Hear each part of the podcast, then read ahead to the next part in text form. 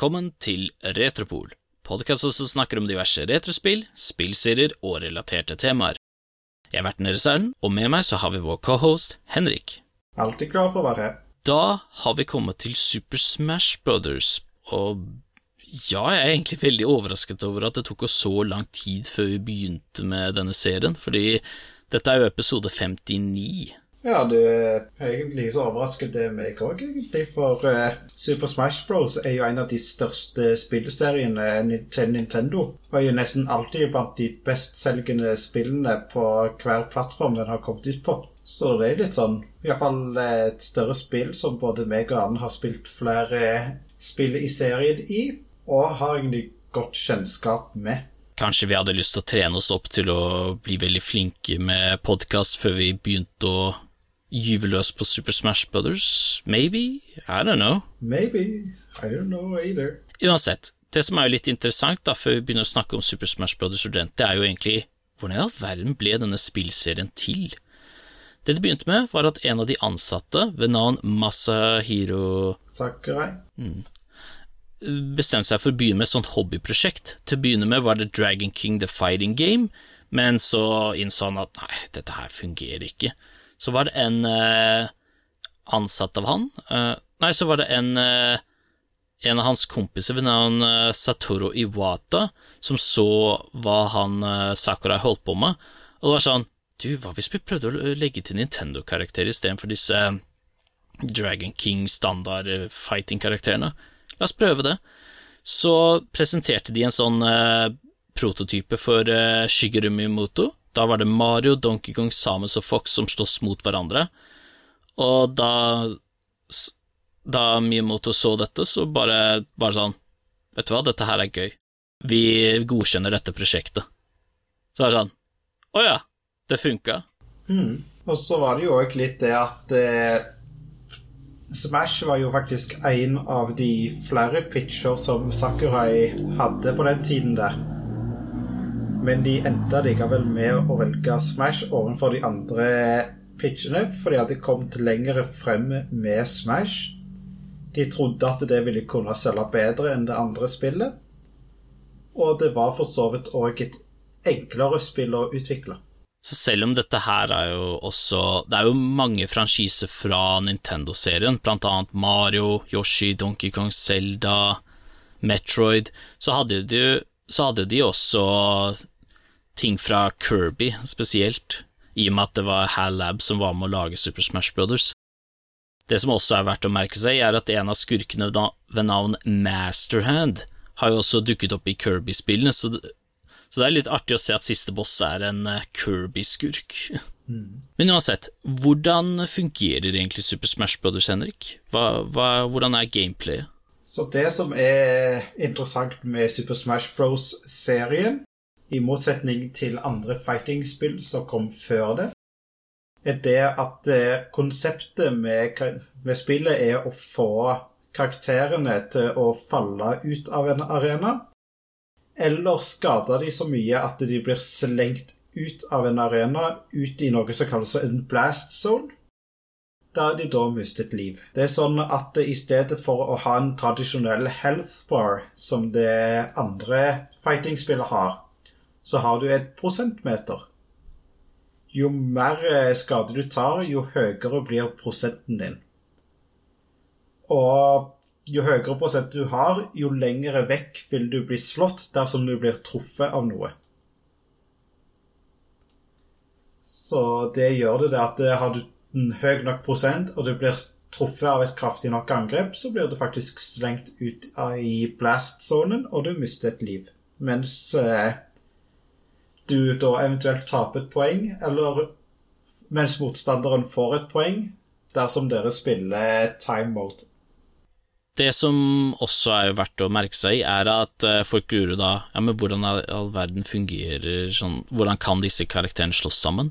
Det viser seg at eh, før man starter spillet, openingssekvensen viser jo at alle disse karakterene er egentlig leketøy.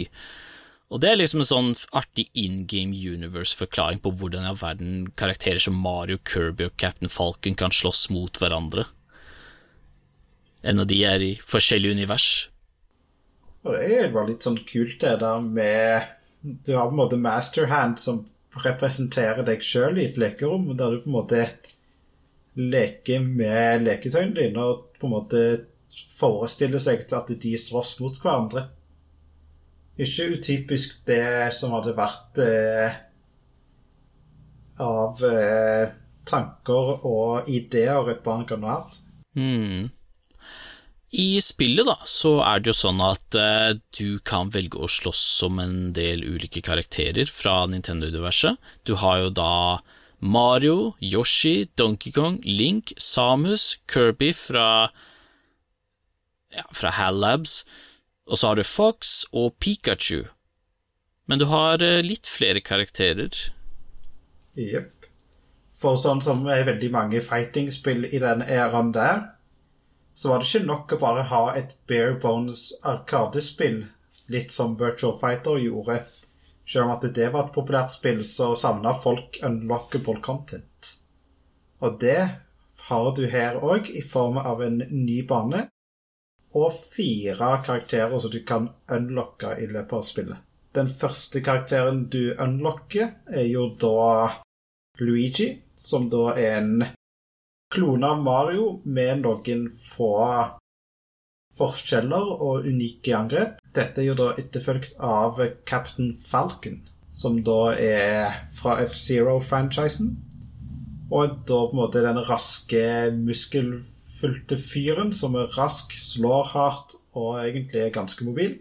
Etter det så har du da Ness, som er fra Earthbound eller Mother-serien. Som da har evnen til å bruke telekinesis til å skyte alt fra flammekuler til skyte tordenkuler og alle andre sånne magiske angrep. Og sist, ikke minst, så har du Jigglypuff. Mm. Det gir jo mening at Nintendo velger at uh, både Mario og Pokémon-franchisen får størst representasjon. Sånn Mario Luigi mening, Pikachu Men Jigglypuff Det var sånn Av alle Pokémon de kunne valgt, hvorfor i all verden Jigglypuff? Jo For er det en karakter Jigglypuff ligner på? Kirby? Yes. Det var Jigglypuff er til en viss grad faktisk en klone av Kirby. Fordi de tenkte vi har plass til en character roster her. OK. Har vi plass til å lage flere karakterer? Nei, ikke egentlig. Jo, vent. Hvis vi klarer å bruke assets fra andre karakterer, så kan vi kanskje skvise inn en siste karakter. Ja, Hvem da? Vi, hvilke karakterer kan vi ta som ligner på en annen karakter? Jigglypuff ligner jo på Kirby. Det som er jo artig, er jo at Captain Falcon, han er jo egentlig Hans fighting style er jo basert på en av karakterene fra Dragon King The Fighting Game, men så gjorde de om en av karakterene til Captain Falcon, og han er så å si den mest gjenkjennelige karakteren i Smash-serien, for det er sånn alle jeg kjenner, hver gang de spiller som Captain Falcon, så må de quote hans replikker, enten i form av Falcon punch! Falcon kick! Yes! Show me your moves! Og det, er det var en sånn gøyal karakter. Og det som er det mest interessante, er jo det at eh, Kaptein Falken var jo bare nevnt sånn eh, Jo, han er en sånn outlaw som driver med racing og alt sånne ting. Og så Å, men har han noe movesett, bortsett fra det å kjøre fort i en sånn eh, G-basert eh, supercar? Eh, nei. Men han har et nå. Og så har du jo Ness, og dette var jo første gangen jeg og veldig mange andre ble kjent med karakteren, for det var sånn Hvem i all verden er Ness? Og så fant jo folk ut i ettertid at han var fra Earthbound, og da var det sånn Å ja, den kom bare ut i USA og Japan. Hvorfor fikk ikke vi det? Nei, og det var jo sjelden eh, folk fikk RPG-er i Europa på den tiden, så det var en av forklaringene. Men eh, det var iallfall interessant å se en ny karakter du aldri hadde sett før, det fikk deg til å på en måte tenke Vent, det finnes så mye av Nintendo jeg aldri visste om. Mm. Og slik spillet fungerer, da. Når du slåss, så har du jo en del ulike angrep. Det første og enkleste å forstå er standardangrepene, som du bruker A-knappen til. Det er egentlig sånn at du angriper i fire retninger, opp, ned, høyre og venstre, eventuelt stillestående. Det samme kan du gjøre i luften, Og de er sånn som er sånn der typisk slå eller angripe med et sverd eller eh, balltre. Eller så har du grab, hvor hvis en karakter står stille og du bruker en av skulderknappene, kan du ta tak dem, slå dem litt, og så dytte dem ut til siden, enten på banen eller utenfor banen. Det er veldig avhengig av situasjonen. Så har du skjold, hvor hvis du merker at du blir skadet veldig mye, så kan du holde inn en av skulderknappene, sånn at du blokkerer all skade fra andre. Men hvis du holder den inne for lenge, da blir du stønnet, og det gir andre en gratis hit på deg. Men så har du ett angrep til, og den bruker du B-knappen til. Men hva er spesielt med dette, Henrik? Det som er veldig kult med B-angrepet, er at eh, den bruker signaturangrepene til forskjellige karakterer. Det er mer flashy enn de standard A-angrepene. Og du har på en måte mulighet til å bruke de i forskjellige retninger, og de gjør forskjellige ting. En standard stillestående B-angrep vil f.eks. For, for Mario være at han skyter en ildkule. Det samme for Luigi. For Donkey Kong så vil han kunne lade opp et kraftig slag til å slå folket med. På Fox så vil han kunne skyte med blasteren sin. Samus vil lade opp arm cannonen sin. Mens eh, da Captain Falcon vil gjøre Falcon Punch. Yoshi vil kunne spise forskjellige fightere og spytte dem ut i et egg. Mens da Kirby har muligheten til å kopiere en annen persons eh, special-angrep. Og Det som er litt artig touch, er at når Kirby har tatt en persons angrep, så har han på seg et kostyme basert på den karakteren. For eksempel, hvis eh, Kirby har sugd inn Mario eller Luigi, så har han på seg en Mario Luigi-cap. Mm. Ja, det er litt sånn kult. Det er lett å se hvilken copy ability Kirby har. Og det på en måte bare gjør det litt sånn eh, kult å se at de faktisk eh, gikk det ene ekstra skrittet med Kirby. Så absolutt. Det er alltid interessant å se hva Altså, spill som legger til sånn ekstra touch, det er alltid sånn pluss i mine øyne. Men så klart, fighterne er jo ikke de eneste som er med i spillet, for banespillet er jo ikke basert på ting som for eksempel verden rundt eller sånn typiske dungeons, men de er basert på spill som tilhører de ulike franchisene. I dette spillet så er det da ni baner, hvor en av dem er unlockable. Du har Peaches Castle, Yoshi's Island, Congo Jungle, Hyrule Castle, Planet Zebes, Dreamland, Sector C, Saffron City og Mushroom Kingdom som, kan, som du kan låse opp. Det som er jo litt artig, er jo at banene kommer med hver sine gimmicks, og Henrik og jeg tenkte vi skulle snakke om et par av dem. Vi har da valgt to baner hver, og så skal vi gå felles om én. Det som er jo To ting som er verdt å nevne, det er jo at eh, fordi banene har dukket opp i senere Super Smash Brothers-spill, og de har ikke veldig mye forandringer, så kan du egentlig ta det vi sier i denne episoden, og så copy-paste det til fremtidige Super Smash Brothers-spill. I tillegg har vi også snakket om Dreamland før i en av våre påskespesialer, så den tar vi ikke for oss her. Men Henrik, vær så god. Den første banen jeg skal snakke om, er da Congo Jungle. Congo Jungle er da en eh, bane som tar plass på en eh, treplattform som da har forskjellige flytende broelementer på hver side av eh, banen. Mens det da har to mindre sentrale plattformer som beveger seg opp og ned mellom hverandre. Banen tar jo hendelse i er jo basert på Donkey Kong Country-spillene. Og den er basert da spesielt på den ene banen i Donkey Kong Country med navn Nei, altså den er basert veldig på banen eh, Orangutangang, som da har den samme på en måte solnedgangen. Ellers er det òg en interessant, unik gimmick med denne banen her, og det er nemlig tønnekanonen, som beveger seg under banen. Dersom du er så uheldig å falle utfor banen, så har du mulighet til å bruke opp og B for å prøve å komme deg til, eh, tønnekanonen dersom du vet du ikke klarer å rekke deg opp til eh, på en måte normale banen.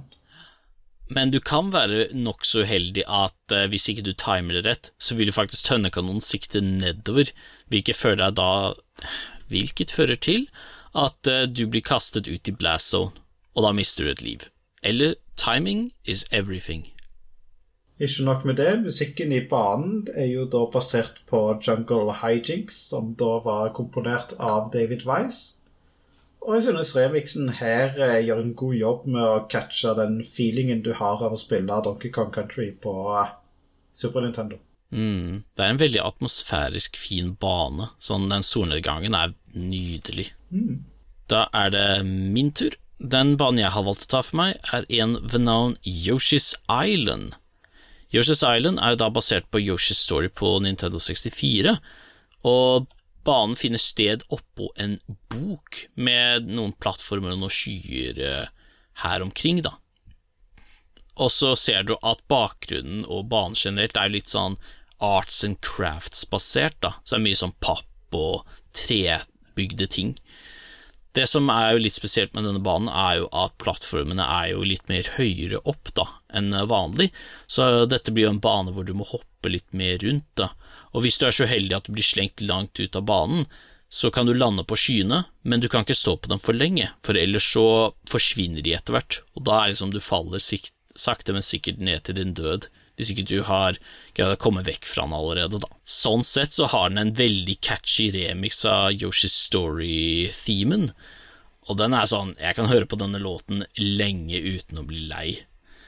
Men eh, banen i seg selv er litt sånn eh, Kanskje den er litt større enn det den egentlig hadde trengt å være. Sånn Jeg tror jeg hadde satt plattformene litt tettere med hverandre, bare sånn at folk slapp å hoppe så mye rundt.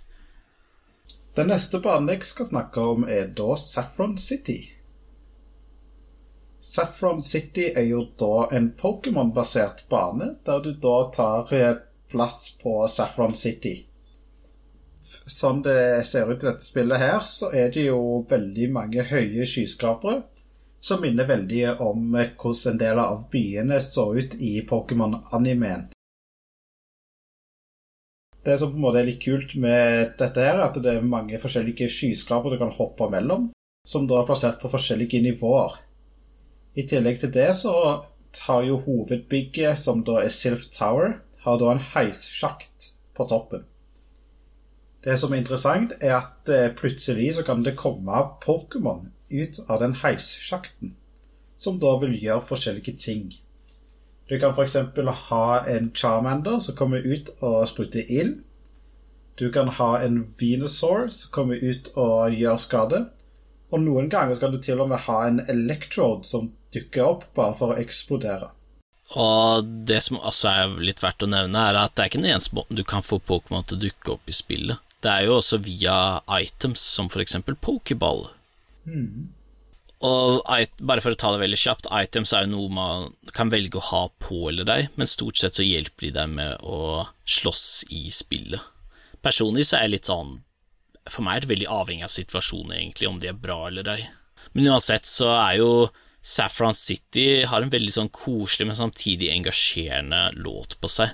Så dette er en sånn bane som jeg har egentlig ingenting imot å spille på når folk velger den.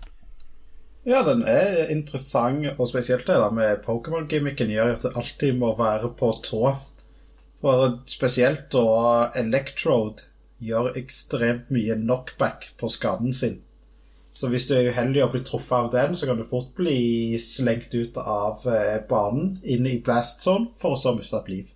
Og sånn sett uh den har også noen sånn heisplattformer som kan hjelpe deg til tider, men det har vært eh, Jeg tror det var én gang hvor jeg faktisk prøvde å hoppe mot den, så fløy den opp, så var det sånn Falle ned til min sikre død. Det var sånn Hjelp! Det er en sur, ja, det er en sur måte å miste liv på. ja. Neste bane på lista, det er en ved navn Peaches Castle, den første banen i Super Smash Brothers-serien.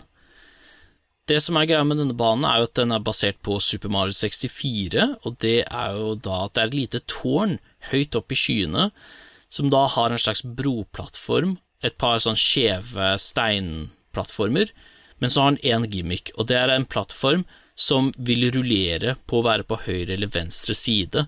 Så avhengig av situasjonen, så er den enten der når du trenger det, eller så er den der når du trenger det, men den er ikke der. Så blir det sånn derre Hjelp! Mm. Men det er ikke den eneste gimmicken på banen, Henrik. For det har jo også noe som heter bumper.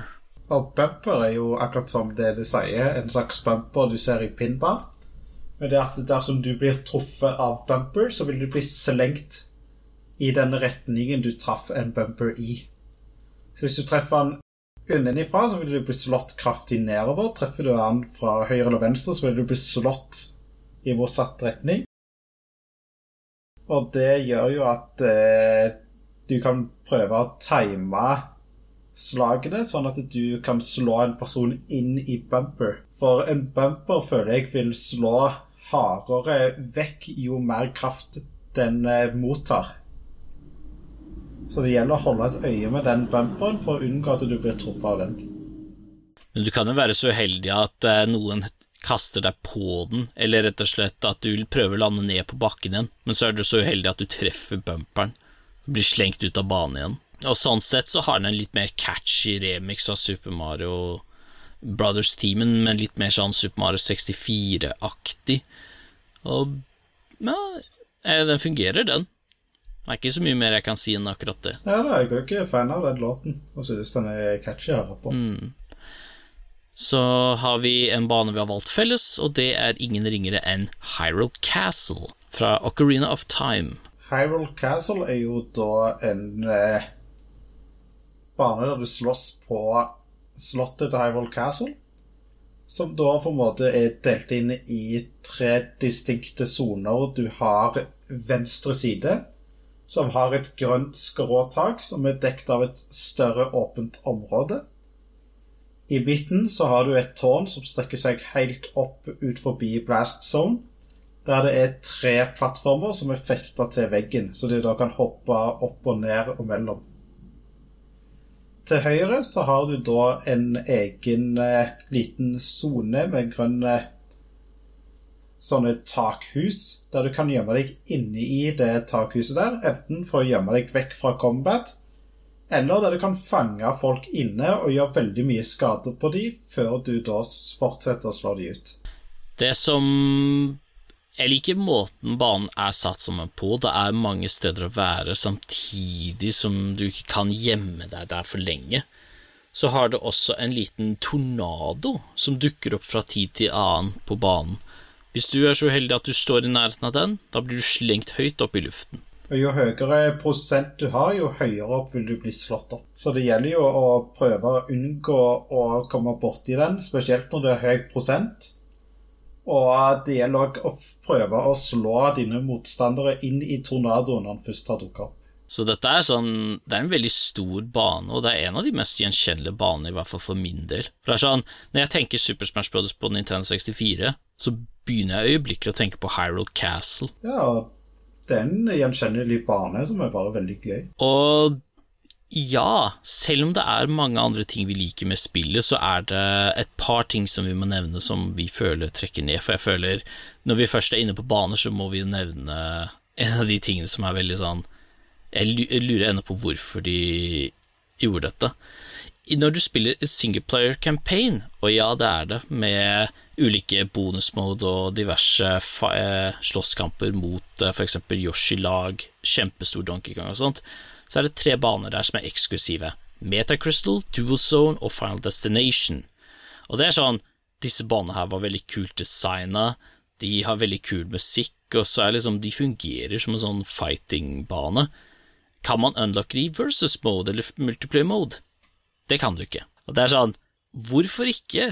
Nei, det, det, det er jo et sånn godt spørsmål, fordi Altså, jeg skjønner det at det er interessant å ha litt sånn content for singleplayer-mode, men det betyr ikke at du hadde trengt å ha de kun i singleplayer-mode. Jeg er litt overraska over at det var ingen av utviklerne som tenkte disse banene er jo gøye, hvorfor har vi disse bare i singleplayer-mode? Oh, reasons. Jeg, jeg sitter ennå den dag i dag og bare stusser på akkurat det, for det er sånn Altså, var det virkelig så plassmangel? Altså, Hvis det var det, kunne de kanskje eksempel fjerna Border Platforms-minigamene? Ville det hjulpet? Nei, men altså, de hadde jo Det hadde ikke tatt noen plass i det hele tatt å hatt det som en ekstra bane når du først har banen i spillet, med alt av innstillinger og sånt til det. Ja, det er liksom Jeg bare føler Det føles som det er noe som mangler når du har med Det er sånn hvis jeg kunne gått tilbake i tid og endra, så hadde jeg sørget for at Meta Crystal Duozone og Final Destination var spillbare i multiplayer, for det er litt sånn Jeg bare syns det er så uh, missed opportunity, egentlig. Når de er så kule, men så kan du ikke spille på dem. Det er sånn Ja Ellers så er jo kanskje en annen liten sånn greie med at singleplayer mode er jo den samme for hver eneste gang. I senere spill så har du jo forskjellige singleplayer campaign basert på hvilken karakter du spiller.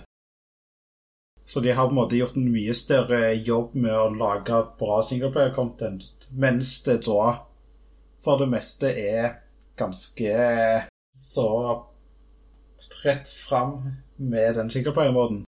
Har du spilt det én gang, så har du jo egentlig gjort nesten alt.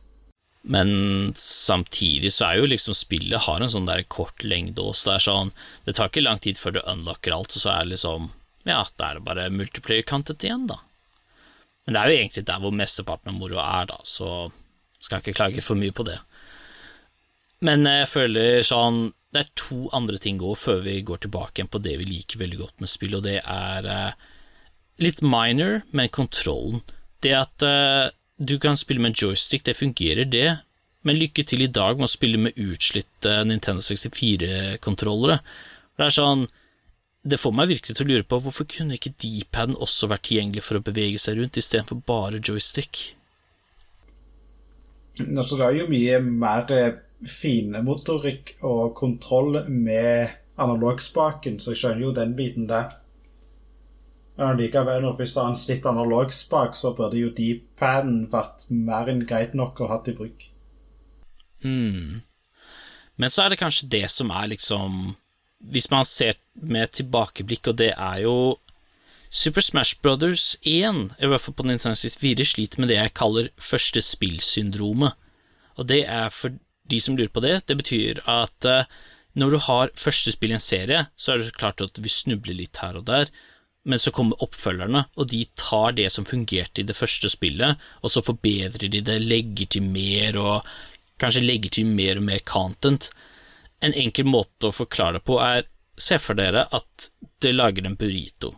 Til å begynne med er det lompe, kjøtt, ost og salsa, men etter hvert som tiden går, så prøver du ut nye grønnsaker, du legger på mer fyll, du kan, mer tortillachips, eh, rømme Du prøver ut nye ting, og så får du til slutt en burrito som er så fyldig, saftig og har alt det du vil. Og da blir det sånn der å gå tilbake til den første burritoen blir sånn Den virker så vanilla sammenlignet. Så mitt spørsmål til deg, Henrik, er liksom Hva er det Nei, hvorfor gå tilbake til det første spillet når de nye har forbedret såpass? Det å gå tilbake til det første spillet er jo en kuriositet, egentlig, for det meste. En ting er jo det at det er jo et veldig sånn Det har sin sjarm med det at det er low poly, det har sin egen artstyle og sånt. Som gjør at det ser ganske kult ut. Den andre tingen er jo det at eh, det er en interessant ting for folk å prøve ut dersom de aldri har prøvd det tidligere. Mm. For eh, ikke misforstå, Super Smash Brothers på Nintendo 64 er overhodet ikke et dårlig spill. Som hvis du ser på spillet i seg selv, så er det kjempegøy Nintendo 64-spill som du i hvert fall bør prøve ut. Hvis du er interessert i å se hvordan det første spillet er. Men så er liksom, hvis du sammenligner med de andre Super Smash Brothers-spillene, så er det liksom Da er den dømt. Det er sånn Alle de andre har såpass mye content, spillbare karakterer og baner at den blir liksom en sånn den blir så overskygget som det bare går. Ja, altså Det er jo sikkert noe vi vil snakke mer om eh, når det kommer til de neste spillene i serien. Men eh, spillet ble jo kritisert i sin tid når det kom ut for å ha litt lite content, og det er jeg enig i. Det er veldig bare bones.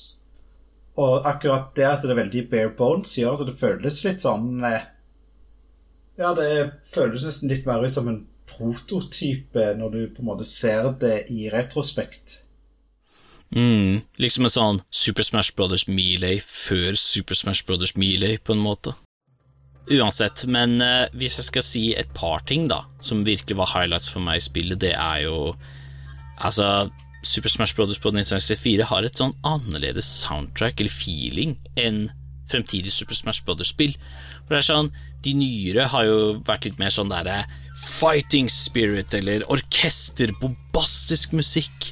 Men så er det sånn, Nintendo 64-versjonen er litt mer mystisk, creepy, mer ambient. Det er sånn, Særlig menymusikken, når du ordner med innstillinger, velger hva slags kampanje du skal spille og sånt. Så er det sånn, det er noe med musikken som minner meg om litt sånn det er sånn stemningsmusikk sånn der, når du er i garderoben, vet du, du skal begynne å gjøre deg klar til å slåss. Det er sånn der, det er så stille i korridorene. Ja, men en ting som jeg òg ville si, det er at musikken er veldig mye mer whimsical òg.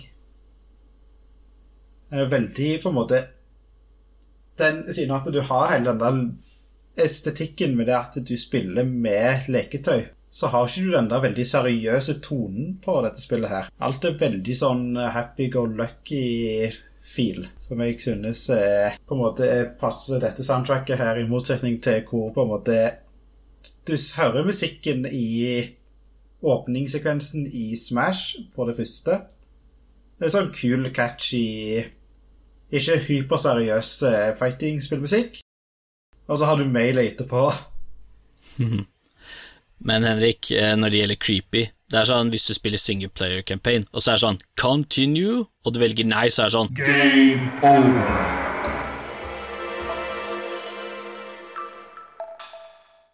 Så den har en sånn, selv om den er whimsical, så er det fra tid til annen den kan bli veldig sånn wow. Utenom det så er det egentlig ikke så mye mer å si om Nintendo 64-versjonen i serien. Altså, Super Smash Brothers eh, på Nintendo 64 er, vil jeg si Hvis man har spilt de nyere Super Smash Brothers-spillene, så er det kanskje litt vanskelig å gå tilbake, men det er liksom Da kan du gå tilbake av ren nysgjerrighet, sånn hvis du har lyst til å se hvordan det hele begynte.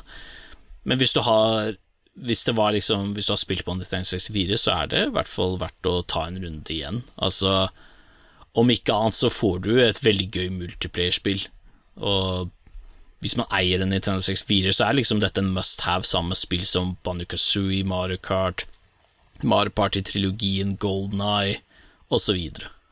så absolutt. Utenom det så er det bare å følge oss på sosiale medier og på våre podkastplattformer. Lenker til dem er i beskrivelsen. Og med det så er vår Super Smash Brothers-episode ferdig. Tusen hjertelig takk for at dere hørte på, og så snakkes vi. Ha det bra! Ha det bra, ja.